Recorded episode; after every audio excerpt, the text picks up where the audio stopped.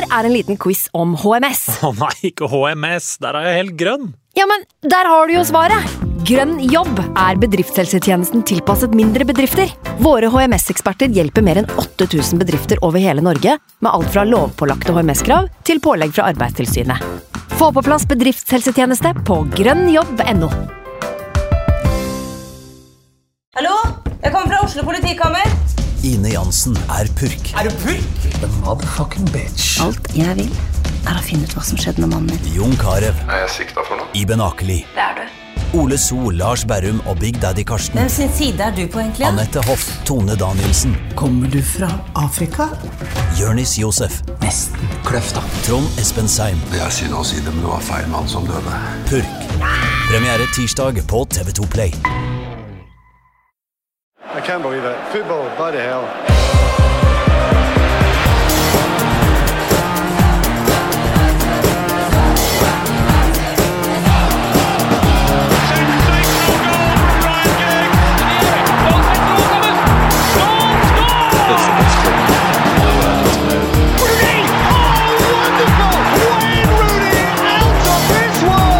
was when I was in Manchester.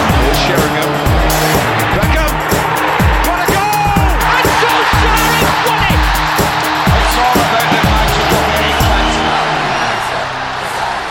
Oss spole tilbake til fredag kveld. Eh, Klokka er eh, litt før seks.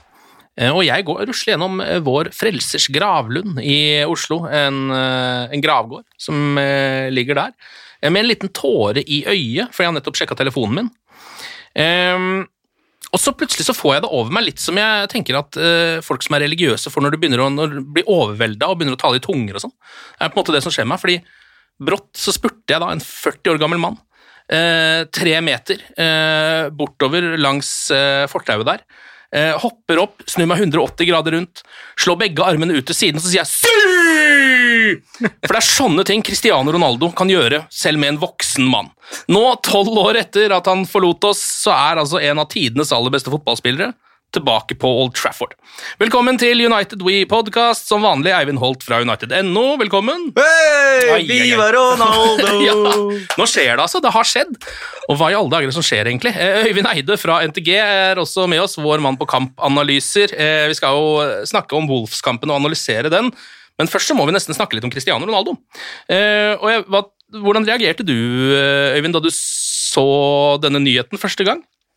Det var selvfølgelig veldig, veldig gøy og veldig interessant egentlig hvordan ting utvikler seg, både på så kort tid, men også det her med at han eh, velger å ta steget tilbake igjen til United og skal være med å bidra der til å løfte håper en ny generasjon eh, hos, hos United fram. da. Eh, og det blir selvfølgelig veldig gøy å, å følge han i det laget her og Solskjærs mission mot å, å vinne serien. da. Mm. Hvordan reagerte du da, Eivind? Nei, det var med sjokk og vantro. Eh, og som jeg har sagt de siste dagene nå, så forsvinner på en måte all fornuft ut vinduet fordi narrativet er som det er. Vi veit at alternativet her, det var at Ronaldo kunne vært i Manchester City, spilt i lyseblått og, og på en måte vunnet Premier League med de. Eh, og da var det på en måte ikke noe spørsmål. Mens hadde vi tidligere i, i vinduet snakka om ok, skal vi hente en 36 år gammel Cristiano Ronaldo, som ikke er den samme spilleren som da han gikk til Real Madrid som 24-åring, så ville mange ha hatt en viss skepsis. Mm. Mens det eneste det handler om nå, er at han er i United og ikke i City. Og hvis du ser på den euforien da, som, eh, som har vært i sosiale medier i helga, så kan vi bare se for oss hvordan det blir når han går ut på Old Trafford, og når han skårer sitt 119. mål for Manchester United. Altså, jeg tror ikke vi skal undervurdere i hvert fall signaleffekten her. Og så eh, må vi på et eller annet tidspunkt, kanskje nå, spørre Øyvind da, hvordan, hvordan blir det her fotballmessig? Fordi eh, ja, som sagt, 36-årige Cristiano Ronaldo, det er en annen fyr. Det er en grunn til at Juventus sier slipp på han. Um, så ja. Ja, vi kan jo egentlig gå dit med en gang. Dette her er jo ø, mer følelser enn fornuft, kanskje. Eh, vanskelig å si akkurat per nå, men det er i hvert fall veldig mye følelser, og da er det vanskelig å finne fornuft oppi alt sammen. Eh, tenker du at dette her var en fornuftig overgang for Manchester United, David? Ja, altså Når man ser på track recorden hans, så er det jo det. Altså, han er jo målgarantist, og, og, han er jo en helt annen spiller nå enn det han var når han, når han dro fra United. Uh, han var jo ikke den målgjøreren den gang. Nå er han jo blitt mer eller mindre kun det. uh, og det, det, trenger jo United også. og Det er i, i, kamper sånn som vi så nå mot Wolverhampton, at du trenger matchvinnere som kan stå fram og vinne på de dagene når ting går litt trått. Uh, og så stiller jeg meg sjøl spørsmål også når jeg ser den Wolverhampton-kampen, hva er det Ronaldo hadde bidratt med i den kampen her? Mm. Uh, for det er også litt interessant, for det er en kamp med veldig høyt tempo, det er mye skifte mellom angrep og forsvar, krever en del løpskapasitet og løpsvilje. Uh, det er ikke alltid vi har sett Ronaldo by på det, Nei. og det er jo en av grunnene til at han har holdt seg så mye skadefri og har spilt så mange kamper på rad i en sesong òg, at han er jo ikke den som løper mest. Uh, og det, det, det, blir veldig interessant å, å, se hvordan laget blir satt sammen nå, for jeg har tenkt litt på hvordan vil det nå settes sammen. Uh, jeg har ikke greid å finne noe, noe svar på det. Uh, en av på en måte suksessformerne til Solskjær nå har jo vært det gode, høye presset og gjenvinningspresset. Der er jo ikke Ronaldo spesielt bra, så hva vil det føre til? Mm. Betyr det at United mister noe av den aggressiviteten og kanskje blir en del lavere i en del kamper? Ja, så Nei, det er det, det, blir uansett veldig interessant, men jeg tror nok det mot lag som ligger lavt, der tror jeg det kommer til å være avgjørende. Uh, men da har jeg lyst til å se Cavani og Ronaldo sammen, for da må du ha de beste boksspillerne sammen, og det kan vi se allerede mot Newcastle. Det kan jo være et sånt lag som parkerer bussen. og der ønsker jeg meg at de to spiller sammen. Og pumpe, pumpe baller inn i, inn i 16-meteren. For et lag som eh, satser mye på press, så er jo egentlig liksom, Det er kanskje nesten litt underkommunisert hvor viktig spissen er i, den, eh, i en sånn situasjon. da. Det er han jo første som presser. Ja, og vi, vi, ser, vi, så det jo spesielt når Kavani kom. Da hadde Martial drevet og jogga rundt og, og vært første presseledd og signalspilleren, som vi kaller det. da. Og så kommer Kavani, og du ser plutselig en helt annen verden, ikke sant, og den presskvaliteten han leverer. Vi så det jo i kampen mot Wolverhampton nå, at han, han er jo og presser oppe ved 16-meteren. På, på, venstre side, og tre sekunder seinere så er han jaggu meg ute, langt ute på høyresida og prøver å hente opp en klarering fra Forsvaret. Altså, han er over hele linja og legger press på det backleddet der. Det kommer vi ikke til å se fra Ronaldo. Så, så, det, er, eh, det er ikke så veldig mange andre spillere heller som gjør akkurat det, men Kavani er ekstrem på det. da. Og, og, Det er veldig spennende å se hvordan det kommer til å bli med Ronaldo på topp der. Eller om de legger Ronaldo på en kant øh, og velger å styre presset rundt han. Håper å si Det kan hende han gjør mindre skade i, i, i på, på en kant, hvis de styrer presset riktig. Kanskje. Jeg hørte James Horncastle, som følger italiensk fotball tett, han snakka om at i et presspill, rent defensivt, så vil det å spille med Cristiano Ronaldo det er som å spille med en mann mindre. Um, og så må jo på en måte håpet her være at han uh, på banen på en måte bidrar med såpass mange målpoeng at, at det ikke blir noe at, at, det ikke blir noe snakk om det, at ikke mm. det blir så synlig. Uh, og utafor banen, det har vi jo nå vært litt innom, da, men altså den det må vi ta med i betraktninga, den bølgen vi nå rir på fordi vi har resignert Cristiano Ronaldo. Den, ja, den positiviteten, da, den vil jo være med inn i, inn i, inn i sesongen, og, og, han skal jo inn i, menneske, inn, i, garderoben som et menneske, og det han kan bidra med der, det får jo vi aldri sett. Um, men Øyvind, når du sier at du vil se Ronaldo og Cavani sammen, hvordan har du tenkt noe på hva som skal skje bak de? For jeg, Da ser jeg umiddelbart for meg en, en, at vi skal tilbake til 4-4-2, men det er kanskje ikke det som uh, er mest naturlig? Jeg veit ikke. Jeg vil helst ikke sette opp det laget det er kjempevanskelig å sette opp. Nei, og det, det, er jo det som blir utfordringen her. ikke sant? Man kan drømme om noen relasjoner på banen, og så må det jo sy sammen til en helhet. Nå har du jo Greenwood, Rashford, og, og, Sancho også, ikke sant, som skal ha en plass her. Bruno Fernandes skal ha en plass, og Pogba skal ha en plass. Mm. Uh, og så må det være noen defensive fibre her òg, ikke sant, med en uh, McTominay kanskje, da, eller en Fred. Altså, så det å ha plass til alle, det, det, har man jo ikke. Så man må leve litt sånn fra, fra kamp til kamp og se. Jeg tipper jo for det meste at Kavani og Ronaldo kanskje bytter litt på, da. De er jo begge eldre herremenn og kommer ikke til å spille 70 kamper antageligvis, noen av de. Eh, men jeg er ganske sikker på at vi kommer til å se de sammen eh, i en del kamper. Eh, og da tipper jeg at Ronaldo fort kan være på kant. Han var jo der i Real Madrid også, da spilte jo Benzema spiss. og Jeg syns å huske at han også var på kant i starten i Juve, i hvert fall i noen kamper. Ja, og, så, så de kan leve godt med det, men det kommer helt an på kampbildet. Eh, og det kommer helt an på hvordan de stiller seg opp bak. Da må Fred spille sentralt på den sida hvor Ronaldo spiller kant. Da er du Mm. nødt til å ha beinflytting og aggressivitet på den sida. mm. Så, så det fører med seg noen, noen ting, men altså nå, nå snakker vi veldig sånn eh, delvis negativt om, om, om å ha Ronaldo i laget her. Vi må huske på at han kommer til å bidra med ufattelig mange målpoeng her.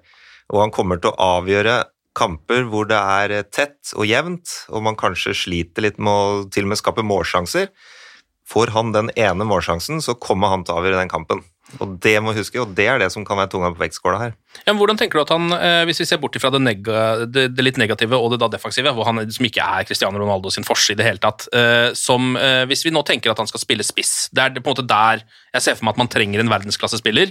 Vi har høyrekant og venstrekant som kan funke. Eh, hvordan funker spiss eh, altså Cristiano Ronaldo som en spiss, vil du tro, for et offensivt Manchester United? Hvordan passer han inn? Det, det kommer til å bli litt som med Cavani. Han er veldig flink til å legge seg i det vi kaller blindside da, av, av forsvarsspillerne. Det vil si, eh, hvis ballen er på venstre hos Bruno Fernandes f.eks., så kommer da Ronaldo til å legge seg bak den høyre stopperen, altså på baksida mot, uh, mot høyre bekken. Da. Og um, det å time de løpa og få den relasjonen der, ikke sant Når, Det kan Pogba gjøre også. Vi så jo Pogba spilte gjennom Fernandes eh, på et par ganger i kampen nå. Litt den type bevegelser kommer vi til å se fra Ronaldo. Han er ekstremt flink til å finne akkurat de romma, og han bruker energi kun på de løpa, så han kommer til å få et forsvar på forsvarerne. Det er jo det ene. Det andre er jo i samtlige innleggssituasjoner. Det må slås mer og bedre innlegg, spesielt da fra høyre. Mm. For nå har de en spiller som kommer til å vinne nesten hver luftduell der inne, og han header på mål. Han er ikke bare god i lufta, han er god på målheader. Mm. Og det er to vidt forskjellige ting. Og det er der jeg tenker, ikke sant, Kavani er jo også det. Så hvis du får mange innlegg, og du har de to der, så, så kommer det til å bli mye mål. For det, ja, det er jo akkurat Luftstyrken har jo ikke vært United sin, eh, sin beste side, kanskje. Nå har det blitt bedre, riktignok, med både Maguire og ikke minst Cavani. Eh, men eh, det begynner noen Det begynner å bli en stund siden man liksom kunne ha den gode gamle Fellaini og slenge på slutten. Nå har man jo da, hvis du både har Cavani og Ronaldo der Og Varane. og Varane eh, og Maguire på slutten der, så kan hende du skårer noen mål på huet.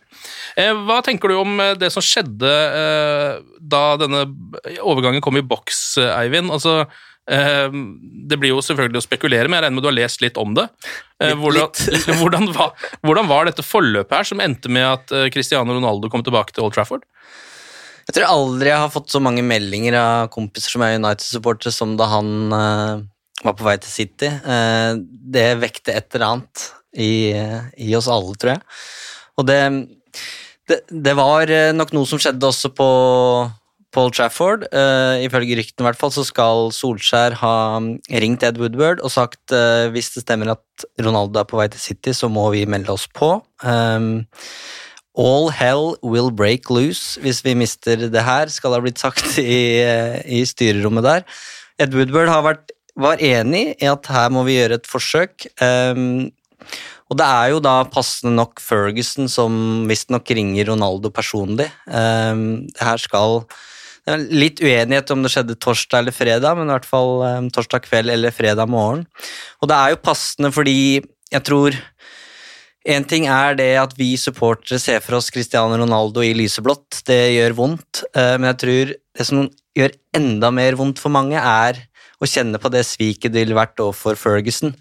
Ronaldo er den han er i dag, mye på grunn av Uh, Ferguson uh, og den friheten han ga han i Manchester United. Eh, og da får Ronaldo sette liksom alle de åra, alle de trofeene, alle de måla på spill ved å gå til City som 36-åring og kanskje vinne Premier League med de.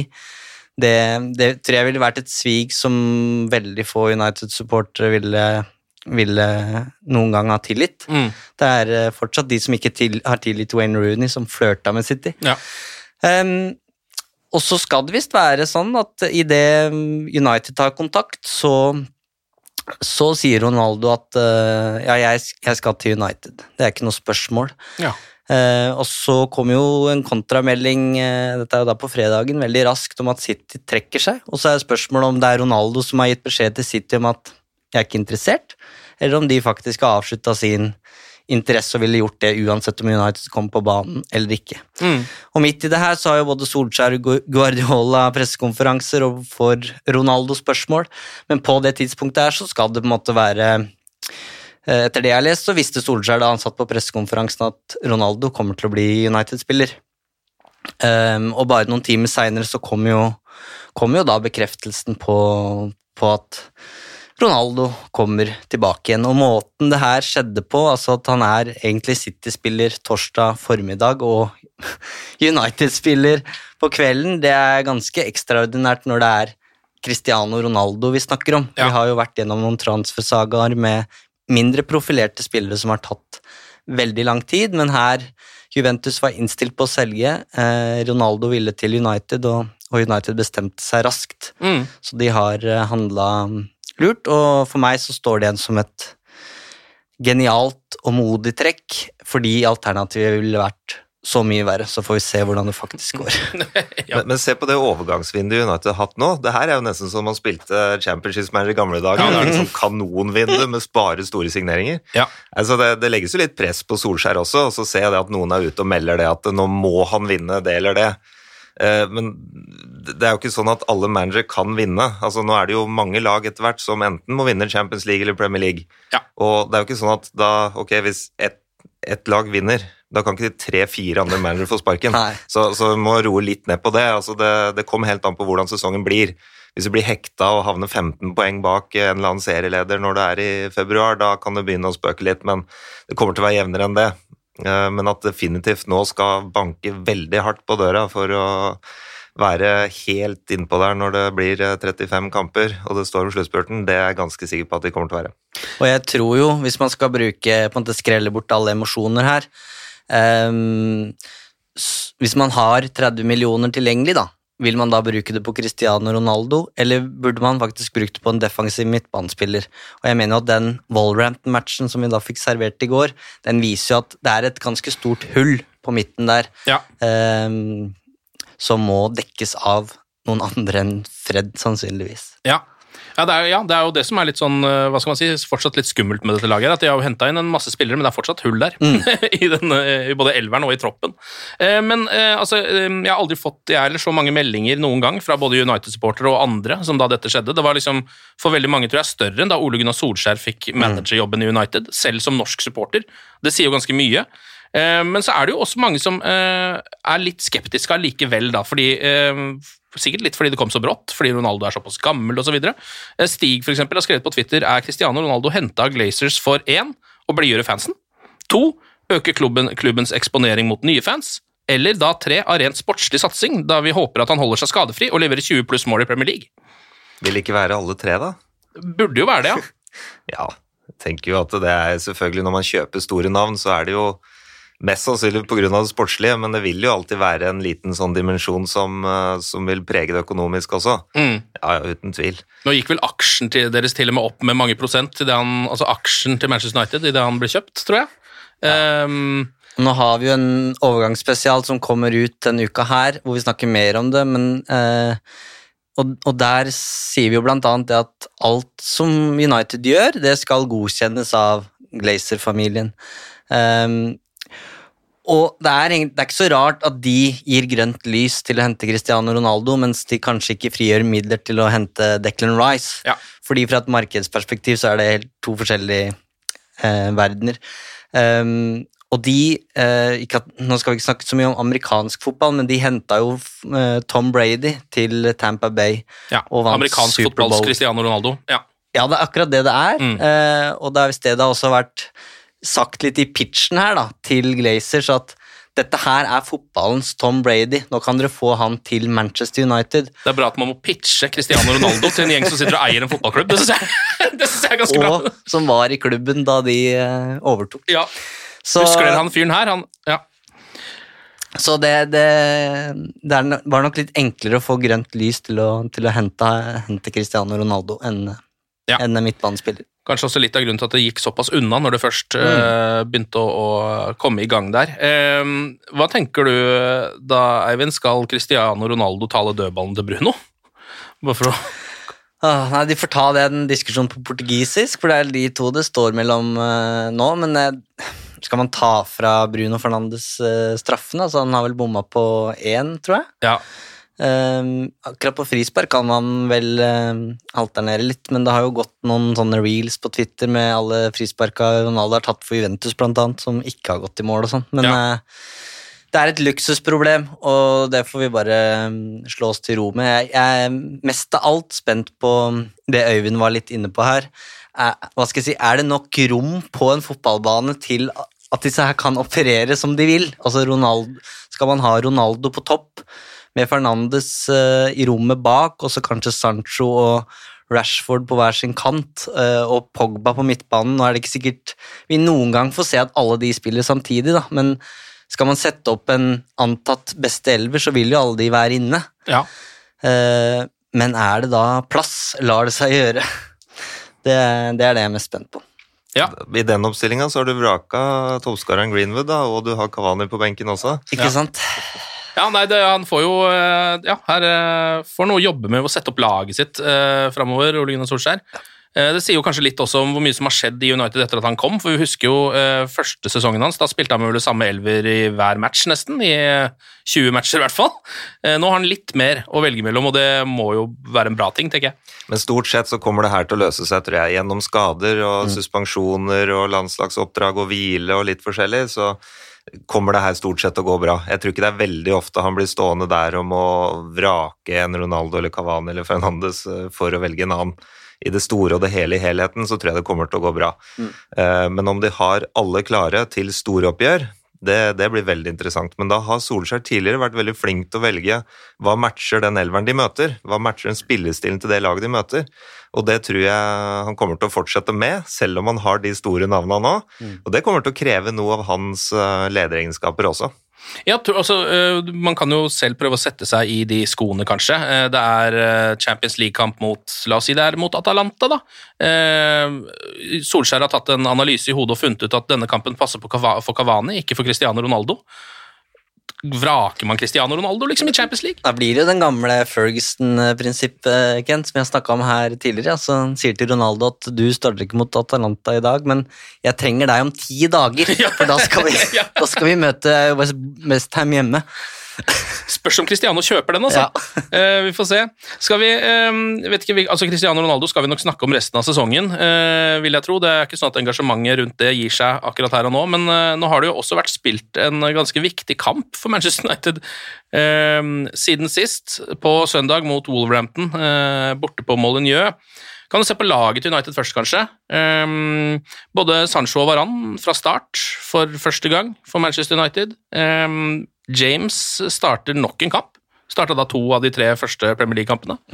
Starter ute på høyre. Pogba har blitt satt ned på midten sammen med Fred. Noen overraskelser i laget for dere? Nei, egentlig ikke. Jeg hadde regna med at uh, i hvert fall eh, Sancho skulle starte. Uh, han syns jeg skuffa stort. Han syns jeg virker langt unna. Solskjær har snakka om at han har vært skarp på treninger. Det, det ser ikke jeg helt. Nei. Varan eh, kom jo fra det med clean sheet og målgivende og virker jo veldig trygg, så det, det er betryggende. Og så er det Digea med kjemperedning og Mason Greenwood med scoring i tredje match på rad, Mm. så det er jo pluss, pluss, pluss. Men uh, det som står igjen for meg, er at vi er heldige, og ikke, ikke bare fordi det sannsynligvis skulle vært frispark i forkant av skåringa, men fordi det er en midtbane som ikke fungerer. Eh, Wallrampton får masse sjanser som de brenner, eh, og det, det så liksom ikke veldig bra ut. Vi er, vi, vi er ikke der vi var mot Leeds. Jeg vet ikke, vi jo, Hvis vi skal ta det fra starten av, så er det jo eh, Det er ikke så mye å gå gjennom denne kampen, her, for det var jo ikke den kuleste fotballkampen jeg har sett. Men uh, vi, selve inngangen på matchen er jo veldig dårlig for United, Øyvind. Altså, eh, Wolves kjører jo over United de første ti minuttene. Uh, Traoré bare ler av det som finnes utpå der. Trincao er alene med keeper, Van Bissaka redder på streken. Det ser jo skummelt ut. Hva er det, som, eh, hva er det United bommer på her, liksom?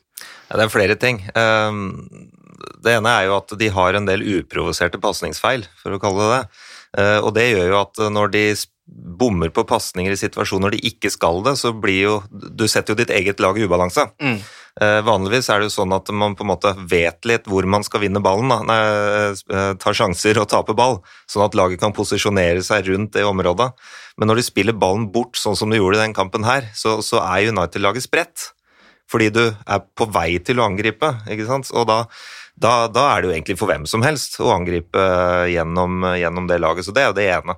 Det andre er at de, de var jo ikke påskrudd til den kampen her. Det var litt sånn dårlig inngang for eh, flere av spillerne individuelt, tror jeg. Mm. Uh, og det kjennetegnes veldig ofte med at de, de var der hvor ballen var for ett sekund siden. Da har allerede Wolverhampton vært og snappa han opp, og så kommer det en United-spiller. så Det er liksom, det blir på etterskudd hele tida. Det tredje som spesielt prega åpningen litt, var at Pogba og Fred, som de to sentrale midtbanespillerne der, de, de spilte et litt sånn merkelig markeringsforsvar. Så de markerte eh, to Wolverhampton-spillere som var i området sitt, og så fulgte de de ut til hver sin side. Så ved flere anledninger så var det jo kjemperom midt foran stopperne. Mm. Eh, og det gjorde det at sånn som Traoré kunne da sette fart inn i det rommet og kom rettvendt flere ganger.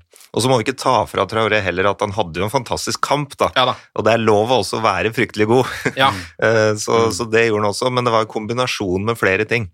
Som, uh, som ga spesielt den åpninga, og så fikk de justert litt, og så ble det ikke så mye utover. men Eh, det der med de pasningsfeil og sånne ting er det jeg syns er mest forstyrrende. For det, det, det, viser bare at de er ikke, de er ikke med, altså. De har, de har, ikke møtt opp til kampstart. Men bare, eh, hvis jeg kan få høre dine tanker om den midtbanekonstellasjonen, Øyvind. fordi Fred og McTominay har på en måte blitt en trygg duo som Solskjær ofte går til, i hvert fall i vanskelige matcher. Og så har vi sett Matic vikariere med variabelt hell, og så har det vært snakk om nå at jo, når Varan kommer, så vil Solskjær våge å spille med en mer offensiv midtbane, kanskje til og med 4-3-3. Eh, altså at bare Fred eller McTominay skal spille. Nå fikk vi se Fred og, og, Pogba i en toer, og igjen så ser vi jo hvor sårbart det blir. Um, fordi Paul Pogba er den spilleren han er. Um, ikke bare sånn posisjoneringsmessig, men han mister også ballen en del, i, mm. som det får større konsekvenser enn om man har den litt fri rollen ute til, til, venstre. Og det veldig mange ønsker seg, er jo en Declan Rice som ja, kort oppsummert kan gjøre den jobben Fred og McTominay gjør sammen. Eh, ja. nå virker ikke det veldig sannsynlig akkurat her og nå, men hvordan tror du midtbanen vil, vil se ut, eh, eller hvordan bør den se ut eh, resten av sesongen? Fordi Fred og Pogba virker jo i hvert fall skjørt, da. Ja, jeg har jo egentlig håpa litt at det skulle bli de to gutta her nå. Ja. For Jeg har lyst til å se det sammen, fordi Fred ligner litt på Kanté. Eh, som vi så i EM, så spilte Kanté og Pogba veldig godt sammen. Mm. Pogba var, strålte jo, ikke sant. Eh, det kan være noe av det samme potensialet her, og så må vi også være litt sånn at vi kan ikke bruke det verste mot noen, håper jeg. Altså, sånn som Fred leverer nå, han er jo ikke i form. Nei. Og vi, vi, vi kan ikke skjære av huet av noen som ikke er, i, ikke er i form. Vi har sett den levere fantastiske kamper også. Men han, men han vil ikke komme opp på det verdensklassenivået, antageligvis. Det vil han ikke. Så en McTominay ved siden av vil kanskje by på mer, da, mm. tror jeg. Mm. Men jeg tror vi får ganske mye fra Pogba sentralt. Vi så litt av det her, hvordan han spiller gjennom uh, Fernandes, da, blant annet, og kan være kreativ og gjøre noe fra midten. Det har jeg savna litt, da. Ha en spiller der som kan styre spillet i større grad. Og det vil han gjøre. Uh, så jeg håper og tror at han vil fortsette der og kommer til å vokse i den rolla. Og ja, Pogba mista mye ball eh, i forrige kamp, men det handler også litt om hva som skjer foran. Det er jo bevegelse som skaper pasning. Og når de spillerne foran enten løper samme vei eller står helt i ro, og alle gjør det samme altså Til enhver tid så trua United-laget ett rom av gangen. Da er, da, er, det ikke lett å være god når du skal slå pasninger. Så, så, det har litt med Altså, ting henger jo sammen. Og det, det er også viktig, og, viktig å ta med. Så når du begynner å nevne Rice og sånn da, selvfølgelig, så skulle man selvfølgelig ønske at det kommer en spiller til som kanskje har eh, enda litt mer, men sånn er det liksom andre posisjoner òg. Jeg vil jo ha en ny høyrebekk òg, som mm. kan slå litt bedre innlegg. Men noen ganger så må man sette strek og si at dette er det man har, og så må man sy det sammen på, på best mulig måte. da. Men Så du vil heller ha Pogba i den litt dypere og sentrale rollen han hadde nå, enn i den litt mer fri offensive som man har sett han eh, tidligere i sesongen? da? Eh, hvis du da tenker at når du spilte kant, Ja. så, så tenker jeg det. Og det handler litt om at nå er det kantspillere her som er mer enn bra nok. Altså Ronaldo er jo kommet, ikke sant, kommer til å spille spiss, og så har du Greenwood, Rashford, Sancho Det altså, frigjør jo en offensiv brikke, da. Ja, det gjør det. Og Fernandes kommer til å ha hevd på den, eh, den mellomromsrolla der, og da, da er det egentlig det sentrale rommet igjen for, for Pogba, rett og Mm. slett. Eh, og der tror jeg han kommer til å leike seg ganske bra når de får dette her til å bli samspilt. Og nå har Solskjær også sagt, i hvert fall som jeg har lest, at eh, han vil jo bruke innledningen av sesongen på en slags sånn preseason 2. Altså Ja. en forlengelse av preseason, og det må vi også huske når vi ser de kampene her. Spillere er ikke veldig skarpe, det er ikke, det er ikke storform på alle. Eh, men det som var veldig morsomt, det var å se en Varan som nesten ikke har spilt en kamp på to måneder, og går inn og gjør egentlig alt riktig. Ja. Det kommer til å bli fantastisk gøy å følge. Um, men hva tror du, hva var liksom Manchester Uniteds offensive plan, sånn som du så det i denne matchen her? For jeg syns ikke det ble skapt veldig mye. Nei, det, og det vet jeg ikke. Nei, ikke sant? Eh, Det er det bra at du sier. ja, Nei, men det er litt sånn, men eh, altså, de, de har rett og slett bare en veldig dårlig dag. Ja. Eh, Men de gjør det som også Ferguson gjorde på veldig dårlige dager, det var at de vant. Ja. Og, og det er det som kjennetegner de årgangene Ferguson hadde når de vant serien, var jo nettopp det. De vant på dårlige dager.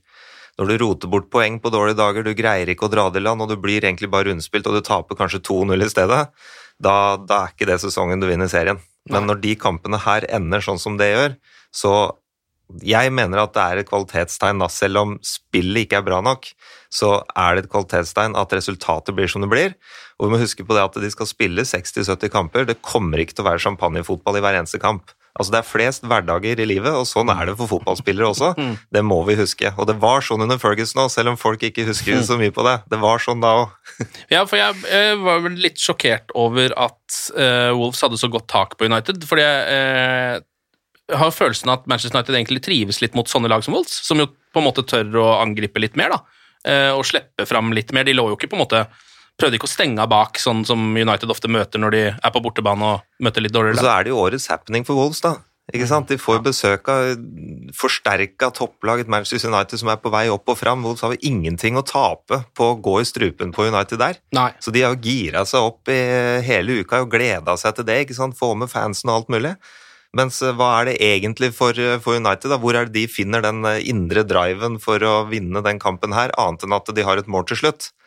Så, så er det litt sånn de, de, United må bruke den tida det tar på å spille seg i den formen de, de vil ha. Andre lag de kommer til å få tenning underveis når de møter United. Stort sett så vil United møte den beste utgaven av motstanderne. Ja. Og det greier ikke United å være sjøl til enhver tid. Nei, nei, det gir, gir jo eh, mening, det, egentlig. Um, er jo en kamp United like godt kunne ha eh, tapt, eh, som du var inne på også, Eivind. Det er jo en voldsom redning fra David Hea der, fra eh, Saiz, som er oppe. Først header han den rett på han, den bør han ta. Men returen der, den er det ikke noen keeper som burde ta, føler jeg. Den er liksom, det er rein David Hea, bare rein refleks. Ja, den er helt syk, og den styrken han har i den handa, altså at han klarer å Ja. holde handa eh, ved ballen, og ikke At, handa ikke gir etter, det er uh, imponerende. Så han er på vei tilbake til sitt beste, må Mm. vi kunne si. Uh, det var nå rapportert om at, eller Solskjær fortalte vel, eh, at eh, Gia ringte i sommer og, og ba om å komme tidligere tilbake på trening. Ja. Um, og han har nå på en måte blitt førstekeeper, uh, meget god uh, i går, og når han fleiper foran kamera etter match, da um, det, det er ikke den sedvanlige David Digea. Det er en Digea som har selvtillit, så det er veldig godt å se. Ja, det trengs jo rett og slett der. Man begynte å bli litt usikker på hele den keepersituasjonen etter hvert der.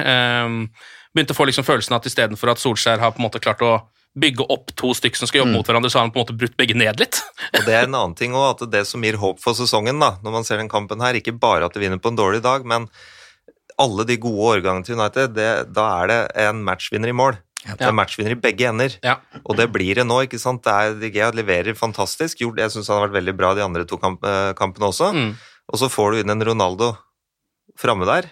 Nå er det egentlig rigga for at det skal skje noe stort, altså.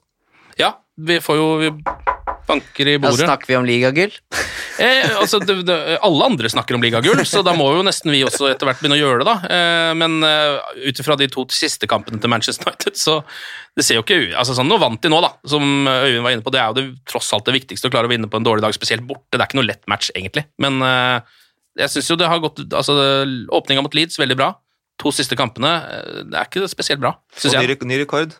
Ny rekord, ja. Det, det, er et lag her nå som Og det, det laget som hadde kamp nummer 28 uten tap, ligner ikke i det hele tatt på det laget som har starta den seiersrekka, mm. eller den mm. uh, ubeseira rekka. Nei. Og det er også noe å tenke på, at de har bygd seg opp gjennom hele den perioden, så det å ha litt tillit til den prosessen som Solskjær er inne i, da, uh, det tror jeg vi, vi må bare stole på oss og se hvordan dette går nå, for nå, den pila syns jeg peker ganske sånn bratt oppover.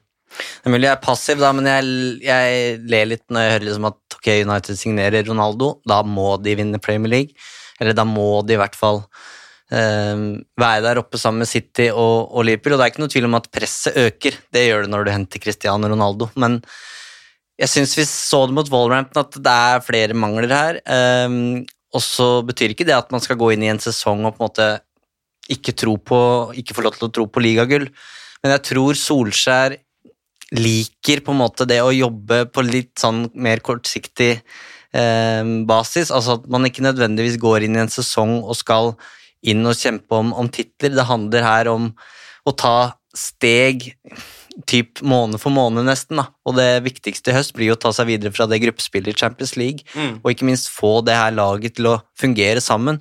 For som Øyvind var innom her, altså jeg, jeg, tror han fortsatt ser på det her som en oppkjøring. Jeg tror han, Dette er checkpoint nummer én i 2021-22-sesongen, den landslagspausa her, når de kommet seg dit med sju poeng, det er godkjent, det er ja. greit. Med tre poeng så hadde det vært uh, mer ille. Men det er samme åssen de tre kampene her har sett ut. Det viktigste har vært å på en måte holde utgangspunktet på et uh, akseptabelt nivå.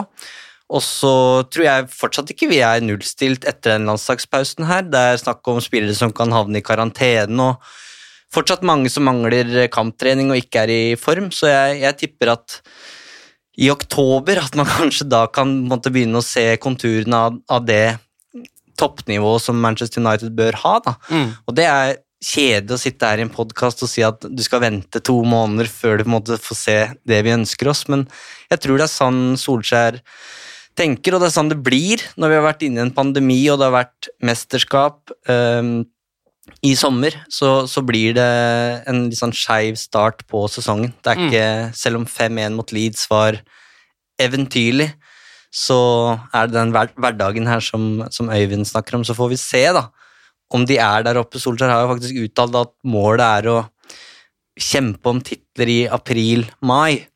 Um, og da handler det jo om å være der oppe. Du kan ikke være avskilt av en nyttår, selvfølgelig, men i hvert fall være der oppe sammen med City og, og Liverpool og kanskje Chelsea. Og så selvfølgelig prøve disse cupene, da. Og det er ikke noen tvil om at Ronaldo øker sannsynligheten for at det skal skje, men jeg syns ikke han er det som definitivt gjør United til favoritter i Premier League, f.eks. Mm. Eh, kampen blir avgjort etter 80 minutter. Eh, da er det Rafael Varan som får seg sin første assist i United-trøya. Eh, en ganske enkel assist, for så vidt, men han gir ballen til Greenwood, da, som er ledig på sin høyre. Eh, trekker seg inn trekker seg ned mot linja, avslutter med høyrebeinet. Um, og det er jo der Mason Greenwood er litt sånn, litt sånn særklasse, vil jeg nesten si. da. Du vet ikke om han skal gå inn og skyte med venstre, eller om han skal gå ned og skyte med høyre. Det er helt umulig å vite det, for han er like god med begge to. Denne gangen ble det høyre, via keeper, inn 1-0 Manchester United. Det, det, som er veldig interessant der, synes jeg, da, det er at eh, det han gjør da, Han har jo en situasjon rett før, ett eller to minutter før, hvor han gjør egentlig det samme, men da slår han vel et innlegg. Ja. Um, og hvis vi da ser Sancho, da, som jo var i nærmest lignende situasjon en rekke ganger i løpet av kampen. Han gjør alltid det samme. Han tråkker på ballen, spiller støtte. Mm. Det er interessant å se hvor, hvor, stor forskjell det er på selvtilliten deres og formen mm. de er i. Ja. Greenwood har jo virkelig prikka inn formen til å ja, Han kommer til å spille fast i lang tid nå. Mm. Uh, mens en Sancho, han, han virker uh, Ja, virker tung og treg og litt sånn dårlig selvtillit og ja, han mangler ganske mye akkurat nå altså for å være det som United kjøpte da, for, ja. en, eh, for en, milliard. Ja, mye feilpasninger. Eh, fintene sitter ikke helt heller, eh, som jo er sånne ting som jeg har aldri, altså, Nå har man jo bare sett han i Dortmund i sesong, han har vært veldig god. men det er jo en helt annen type som er utpå der enn det man forventa, da. Jeg syns det er litt skuffende og mm, litt rart at det er Sancho som er i den eh, England-troppen, og ikke Mason Greenwood, men det har visst vært en eh, dialog på det her.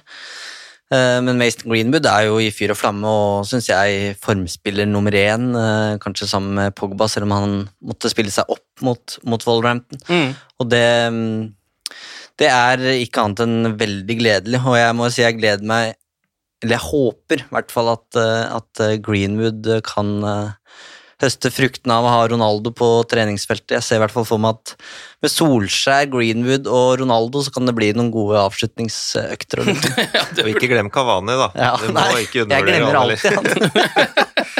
Eh, Men vi må jo nesten nevne den situasjonen som er rett i forkant her. eh, Som jo, det minner jo egentlig veldig om eh, målet som Southampton skårte mot Manchester United. eh, Da Bruno Fernandes kanskje skal ha et frispark i forkant. Eh, Nå er det jo da Pogba som er inne med knottene, eh, litt mot eh, leggskinna til Ruben Neves. Eh, Neves er ganske soleklar i etterkant på at dette her er et ganske klart frispark. Eh, Hva tenker dere sjøl? Solskjær hadde frest hvis det der hadde blitt blåst, og Ja. det handler om det som skjedde helga før, ikke om at det faktisk var frispark, for det syns jeg personlig at det, var. Mm.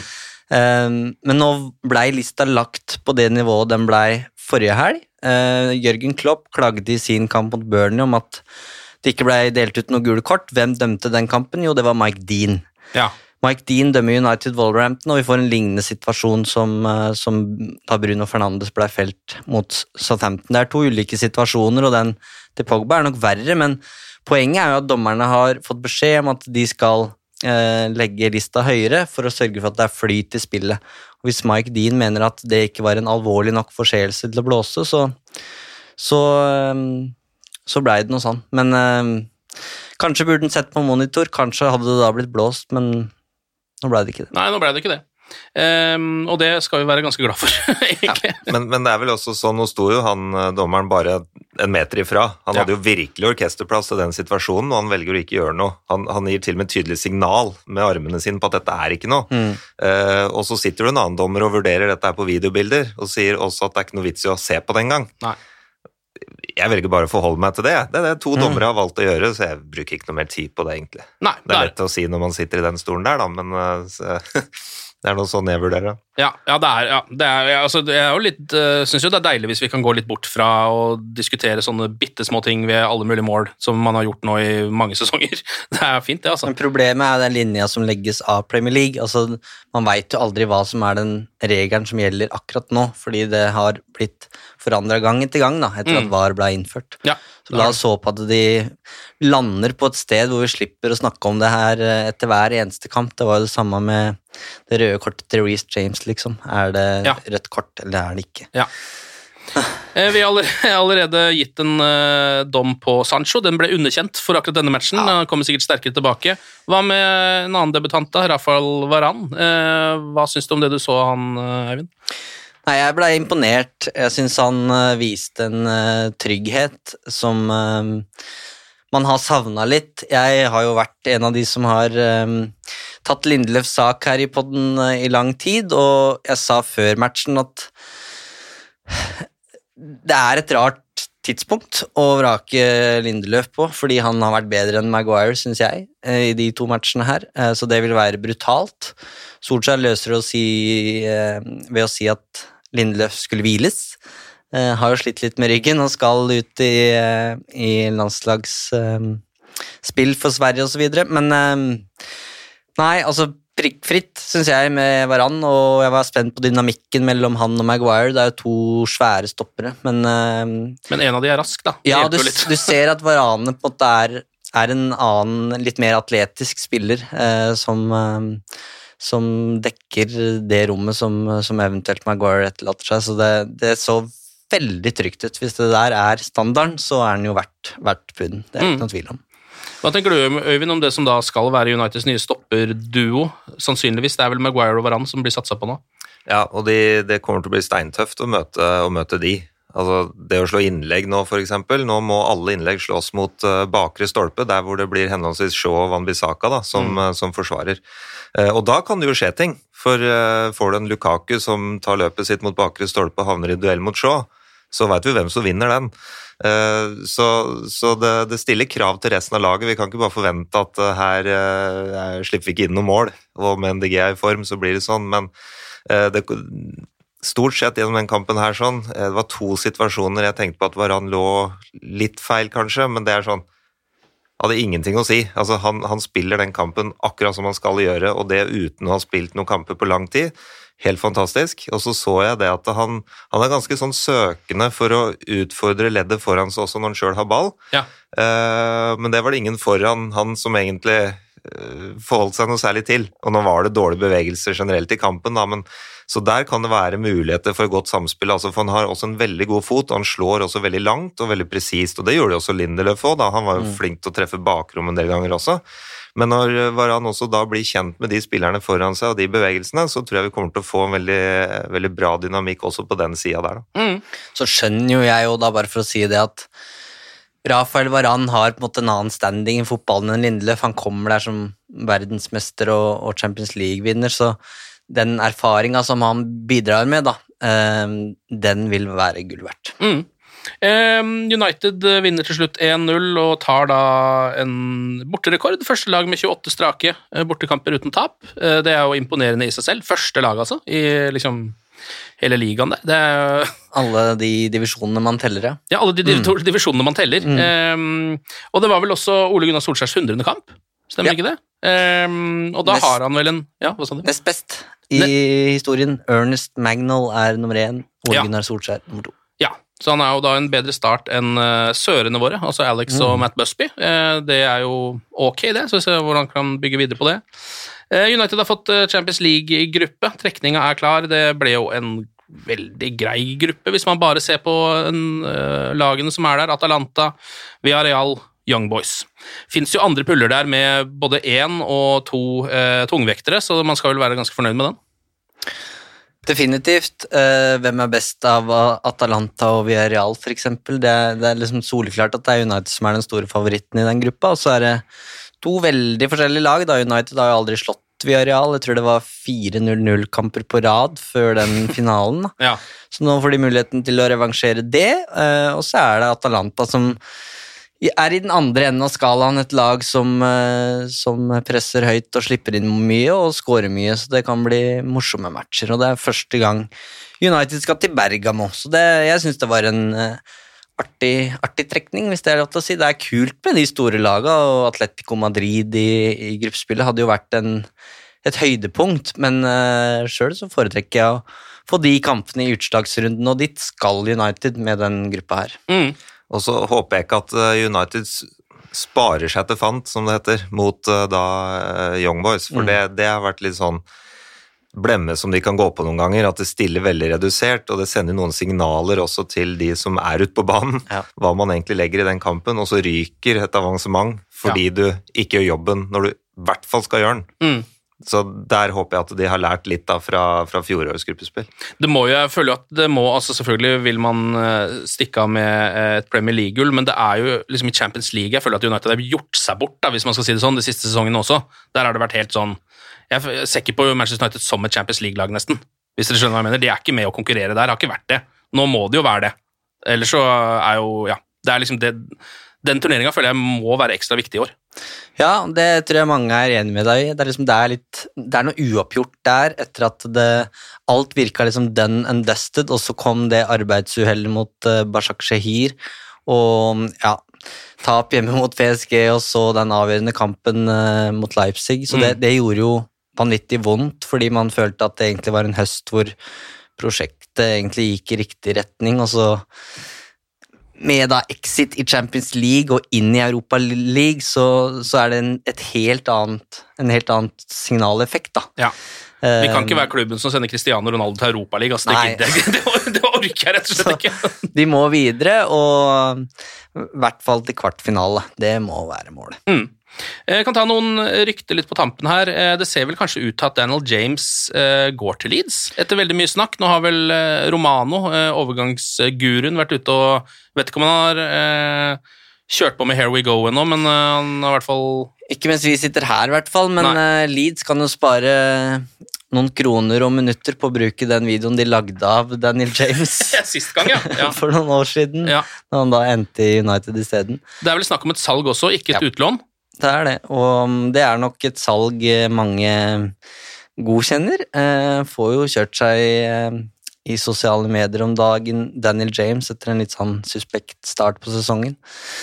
Men det skal visst ta Etter det jeg har lest, så er det ikke noe Solskjær ønsker. Han vil tviholde på Daniel James. Ja, Ser du noen grunn til det, Øyvind?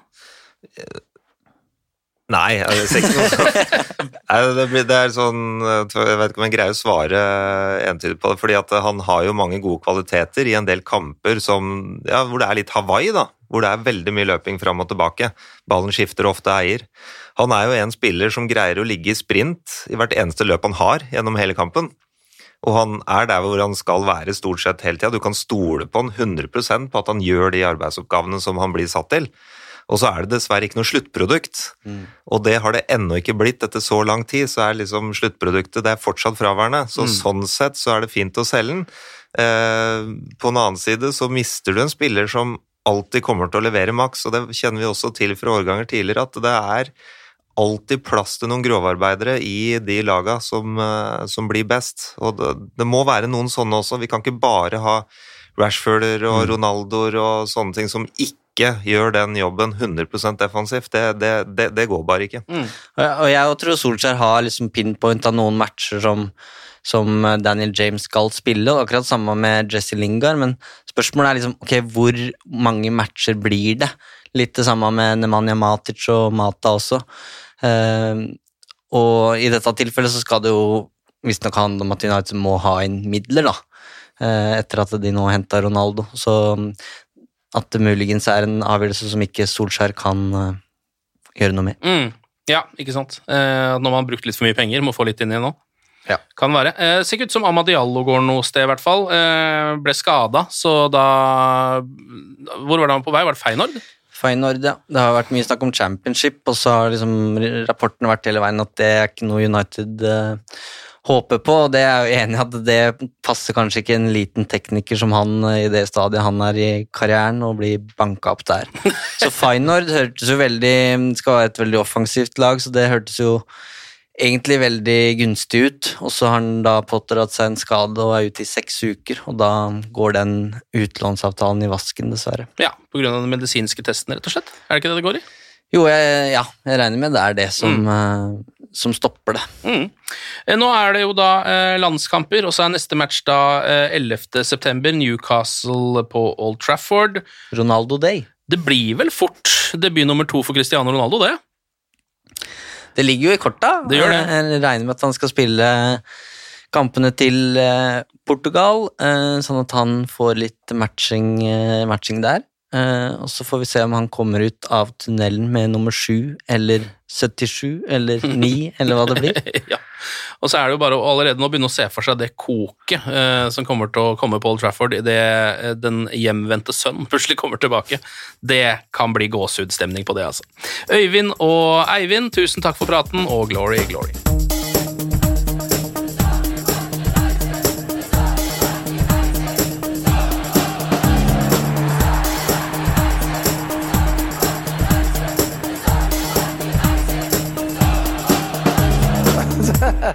oh, it's true. I've seen many things. Moderne media. Ukens annonsør det er matkasseleverandøren Hello Fresh. Der kan du velge mellom 25 ulike oppskrifter hver uke, eller få Hello Fresh til å sette sammen en meny for deg. Jeg sparer tid på å handle, oppskriftene er veldig enkle å lage, og så får jeg akkurat det jeg trenger da, til hver eneste rett, så jeg slipper å kaste så mye mat som jeg vanligvis gjør. Det er også litt deilig å faktisk slippe å gå på butikken, ikke bare fordi det er tidkrevende, og sånn, men fordi man ender opp med å kjøpe så mye greier som man egentlig ikke trenger, sånn som fire poser eh, Smash og en kick med havsalt, eksempel. Det er ikke det du egentlig er der for, du er der for å kjøpe, kjøpe middag. Så det er en veldig eh, kjekk ting. I tillegg så er det jo eh, ferdigporsjonerte ingredienser, det blir mindre matsvinn, og du betaler bare for det du faktisk trenger, og det du faktisk da spiser. I tillegg så blir det da levert på døra. eh, til et fastsatt tidspunkt, sånn at du kan få det akkurat når det passer for deg eh, sjæl. Hvis HelloFresh høres ut som noe for deg, så har jeg en rabattkode du kan bruke også. Gå inn på hellofresh.no og bruk koden HelloUnited24. HelloUnited i ett ord, også 24, og få opptil 1779 kroner i rabatt på de fem første matkassene dine hvis du ikke har prøvd HelloFresh ennå. Du kan også bruke koden hvis du tidligere har vært kunde, men har stoppa abonnementet ditt for tolv måneder siden eller mer. Det er ingen bindingstid, og du kan pause eller avslutte abonnementet ditt akkurat når du selv måtte ønske. Husk koden HelloUnited24, og bon appétit! Ukens annonsør er Folio, en smartere banktjeneste for deg som har en egen bedrift eller ønsker å starte for deg selv. Folio er en superenkel nettbank for bedrifter.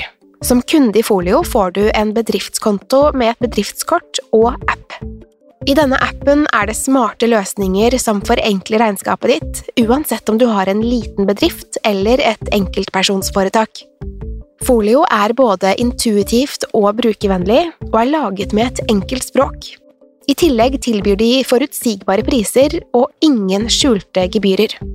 Skulle du likevel trenge det, så kan du snakke med deres raske og hyggelige kundeservice, og der får du prate med en faktisk person og ikke en chatbot. Folio er med andre ord både enklere og koseligere enn banken. Over 10 000 bedrifter har allerede valgt Folio som sin banktjeneste, så besøk folio.no og se hvordan Folio kan forenkle din hverdag også. Har du et enkeltpersonforetak eller en liten bedrift? Da er du sikkert lei av å høre meg snakke om hvor enkelt det er med kvitteringer og bilag i fiken, så vi gir oss her, vi. Fordi vi liker enkelt. Fiken superenkelt regnskap.